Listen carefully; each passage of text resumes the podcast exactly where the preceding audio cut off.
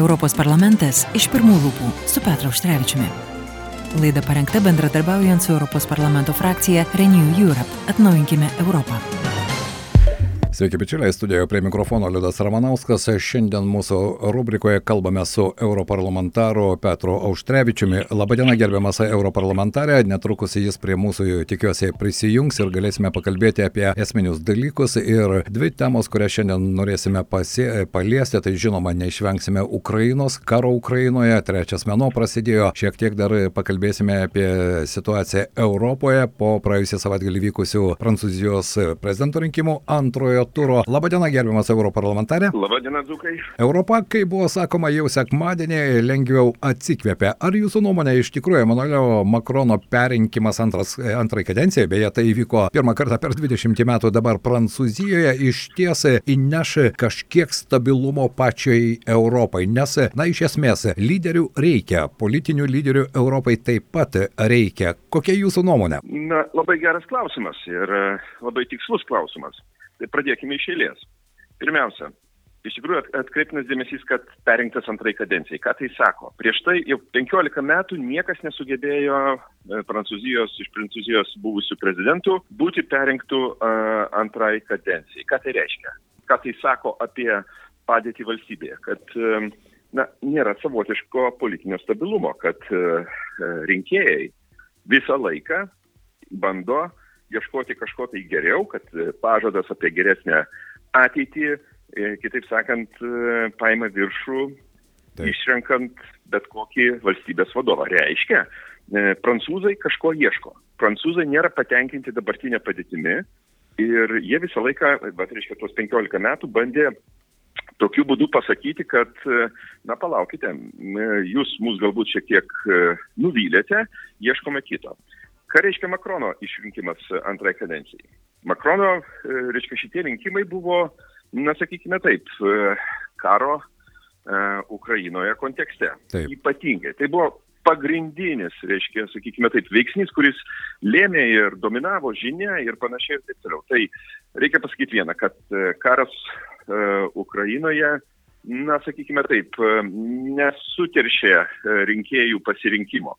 Reiškia, prancūzai vienai par kitaip išliko, na, sakykime taip, stabiliai europietiškai, nes Europą remia Ukraina. Ir Makronas savo kampanijoje sugebėjo išlaikyti, išlaviruoti e, tuose visuose ginčiuose, e, žinom, Le Pen e, požiūrį, Taip. nors jinai bandė paskui nusiplauti šiek tiek. Žinot, e, dabar sako, žinot, koks yra įdomiausias um, užsiemimas, tai trinti nuotraukas iš savo Facebooko paskirų ankstesnių.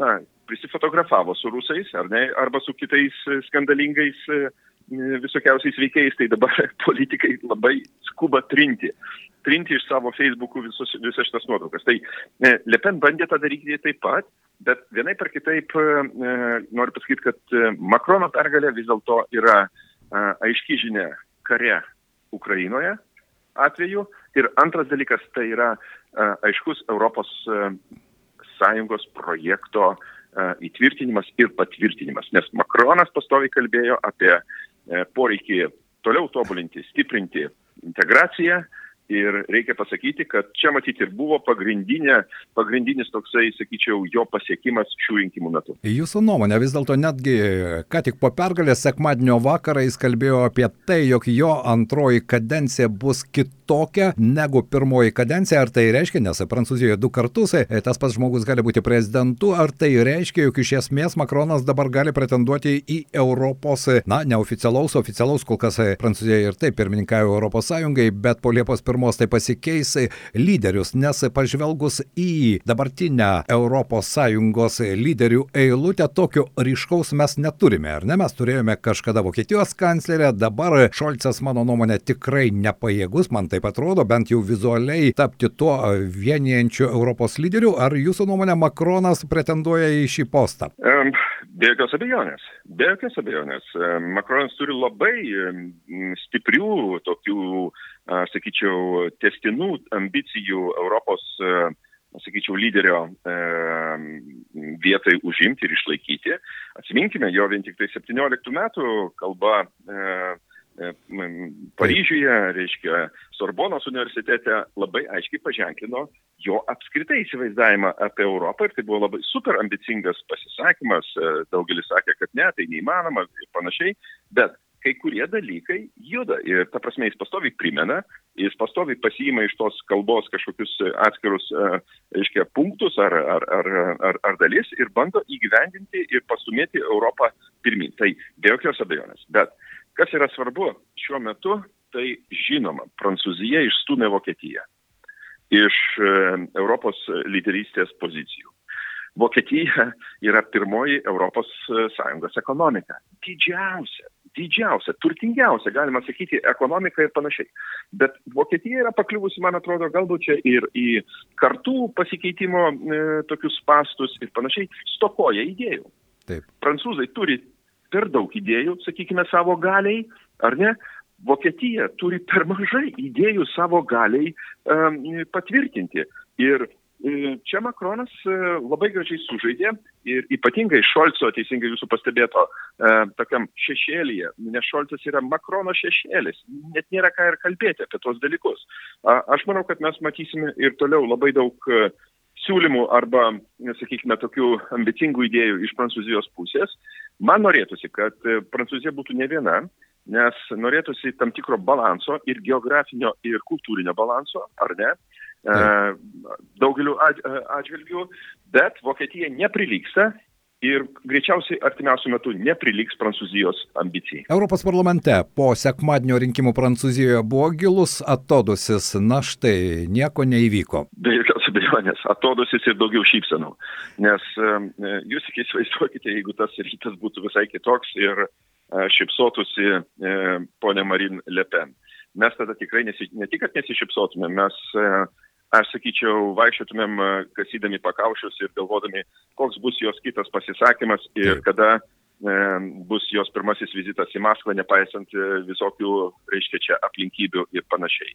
Tai e, netgi Putino pasveikinimas Makronui buvo toks, sakyčiau, formalus, palinkėta sveikatos ir, ir, ir gerovės, bet žinoma, dabar Makronas užsiims, mano manimu, kitais reikalingais darbais, kurių reikia ir Europai, ir taip pačiai Ukrainai, aš tikiuosi, e, sustiprins ES paramą. Todėl pirmadienis buvo, sakyčiau, tikrai tokia e, gero, geros nuotaikos diena. Na kągi, tikėkime, kad iš tikrųjų ta gera nuotaika niekur nedings, o dabar mes palieskime dar vieną temą, kuri dėja optimizmo kol kas nespinduliuoja Ukraina. Ne per seniausiai pats buvote vėl Ukrainoje ir jau ne pirmą kartą. Petrai, norėčiau paklausti, ką ten pamatėte ir kaip galėtumėte įvertinti dabartinę situaciją. Štai ir ukrainiečiai pareiškia, kad Rusijos pajėgos dabar atakuoja jau transporto infrastruktūrą, tokiu būdu bandydami užkersi, užkirsti kelią vakarų tiekimai kariniai pagalbai, geležinkeliai tiltai kenčia. O kaip jūs galėtumėte įvertinti dabartinę situaciją? Aš vis dėlto e, būčiau prie tokių atsargesnių optimistų e, dėl padėties Ukrainoje, pasakęs, kad e, rusų tas nuožmus, nepaisant aukštų nuostolių ir netekimų ir panašiai, puolimas yra, žinot, kaip toksai, na, kaip lava. Jis eina į priekį ir pamažu, reiškia, praryja savo kelyje ar didesnį akmenį, ar, ar kokį nors medį, ar panašiai. Dėja, bet tą reikia pripažinti. Ir ukrainiečiams atsilaikyti be tos sunkiosios ginkluotės, kurios vis dar stokoja, nes e, tie visi pažadai apie patiekimus, e, tiekimus sunkiosios ginkluotės, reikia suprasti laiko prasme, mes vėluojame apie kokias 2-3 savaitės, ar ne? Tai vad, rusai tuo naudojasi ir jie vis dėlto eina į priekį, net ir šį rytą, vad, naujienos yra, kad užimti keli e, kaimai ir, ir pietuose, ir rytuose, ir iš šiaurės yra na, sakykime taip, tokia grėsminga situacija. Tikrai grėsminga situacija. Tai uh, ukrainiečiai tą puikiai supranta, jie, tarp kitko, labai realistiškai vertina situaciją, todėl jie prašo kelių dalykų. Pirmas, sunkioji ginkluotė ir apskritai ginkluotė ir amunicija, ko tikrai reikia uh, ukrainiečiams dabar. Antras dalykas tai yra finansinė parama. E, Ukrainai reikia išgyventi, ne vien tik kariauti, bet reikia mokėti atlyginimus. Yra e, valstybės tarnyba, yra vieš, viešosios paslaugos, ligoninės. Pensijos. E, įsivaizduokite, Taip, kokios išmokos. pensijos ir visa kita. Žmonėms reikia kiekvieną dieną valgyti ir turėti kažką. Tai, tai įsivaizduokite, e, reiškia, trūkumas, ar ne? Arba ta skylė, biudžeto skylė Ukrainoje yra apie 8 milijardai per mėnesį. 8 milijardai, tai vad gerbėmėjai, aš turiu pasakyti, tai e, beveik yra du trešdaliai Lietuvos, Lietuvos e, metinio biudžeto. E, va, būtent metinio biudžeto, tai yra didžiuliai, didžiuliai pinigai, ar ne, didžiuliai pinigai, kurių Ukraina neturi. Skolintis tokiom, reiškia, sąlygom, kokios yra rinkose, Ukrainai būtų, kad jinai eitų į skolas, nes Ukrainos bendras vidaus produktas sumažėjo 40 procentų, jisai buvo apie 160 milijardų, tai dabar sakykime apie 100 milijardų, 8, proc... 8 milijardai iš 100, na, yra labai daug, 8 procentai. Įsivaizduokite, kiekvieną kartą, tai per metus jie praskolins visą, visą savo biudžetą. Mums reikia surasti, kaip e, Ukrainai padėti kiekvieną mėnesį. O ne tik tai, kad, žinot, davėm milijardą ir jaučiamės, kad labai padėjome. Taip. Tas milijardas tai yra keturiom dienom. Taip, būkime atviri, nedaugiau. Tai e, antras dalykas tai yra finansinė parama, na ir trečias dalykas ta politinė parama, kuri turi pasisakyti vienu ar kitu atveju sprendimu dėl ES kandidatės statuso. Aišku, ir dar vienas, e, aš visada kalbant apie pinigus, kurių reikia Ukrainai dabar, jūs paminėjote 8 milijardus į mėnesį, aš visada matau tą sumą, kurią Europa sumoka Rusijai kiekvieną dieną už naftą ir dujas. Beje, šiandien jau Lenkai nebeturi dujų, Bulgarijai taip pat čiaupas užsuktas, bet tos sumos, na, palyginti su ta pagalba, kurią teikia visas pasaulis ir ES tame tarpe, vis dėlto yra nesulyginami svoriai. Nesulyginami svoriai ir tie pinigai tekėjo į Rusijos sąskaitas ir, tebe, ir, ir toliau teka nes 700-800 milijonų, kiek tenai būtų per dieną, Taip. ar ne, už visus energetinius išteklius, na, sakykime taip, yra per daug. Yra per daug visų pirma remiant e,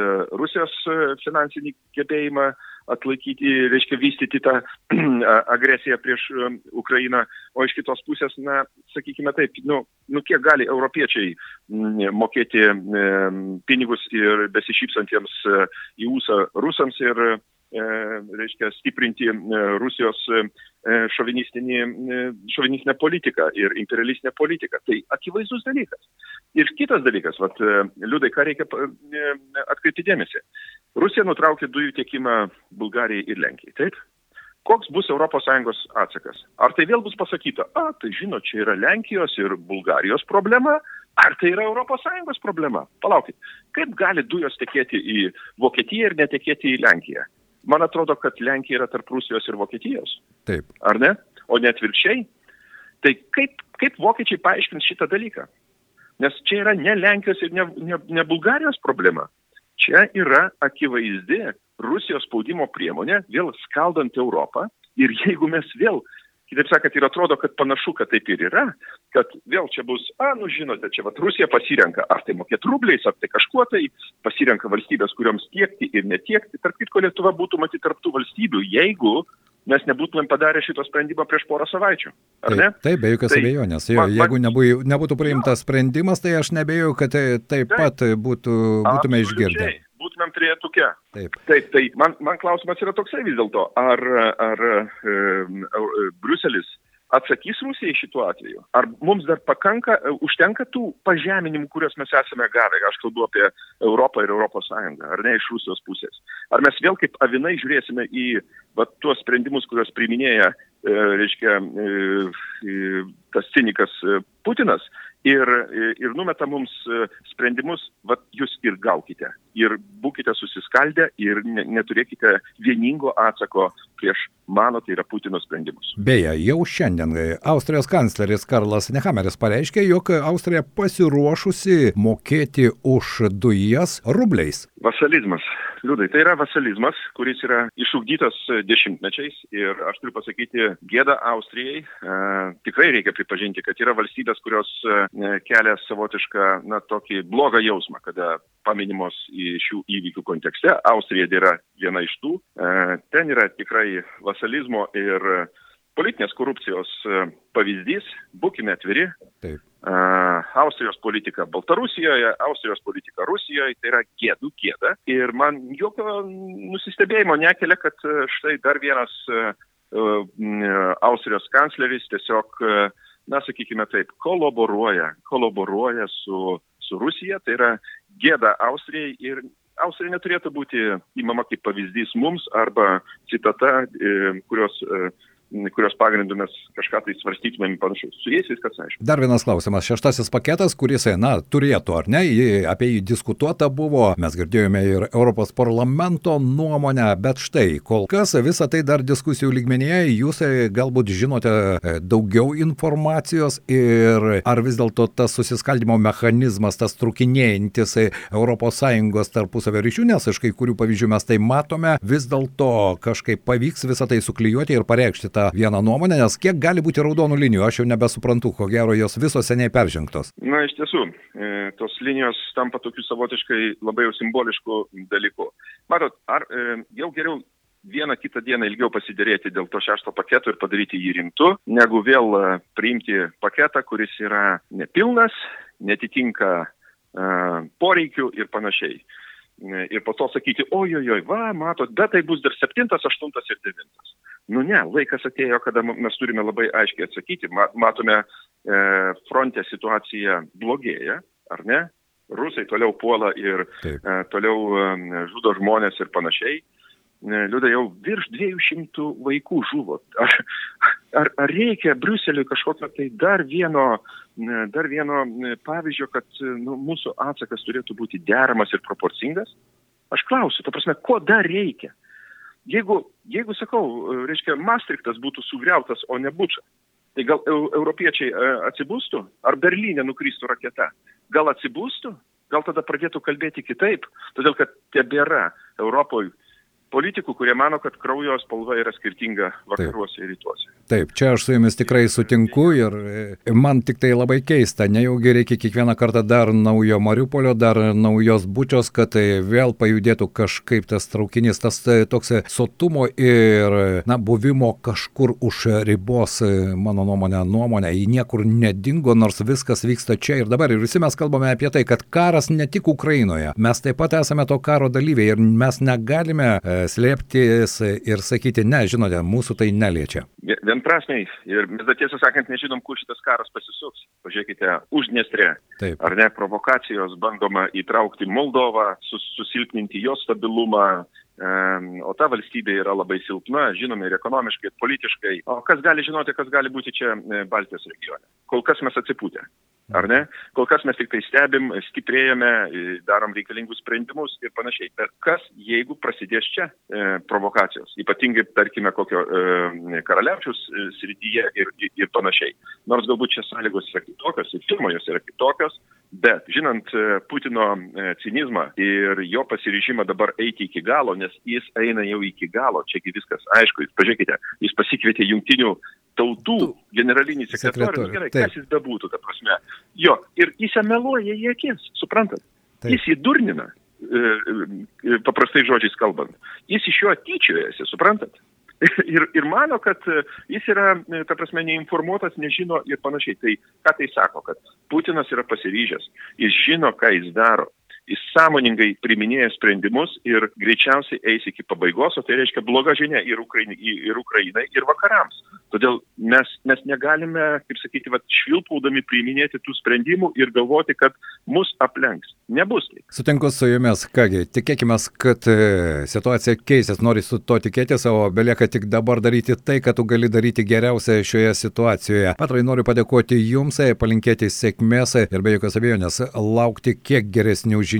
Ačiū Jums. Ačiū Liūdai ir tikrai darykime kiekvieni savo darbus ir darykime juos iki pabaigos, tikėdami, kad e, mes galime tai padaryti, mes tikrai galime kartu tai padaryti, bet, bet reikia pasakyti savo ir padaryti, o ne vien tik tai, kaip sakyti, tuščiai skalambinti. Taip. Ačiū Jums. Europarlamentaras Petras Auštrevičius buvo mūsų pašnekovas. Europos parlamentas iš pirmų lūpų su Petru Auštrevičiumi. Laida parengta bendradarbiaujant su Europos parlamento frakcija Renew Europe. Atnaujinkime Europą.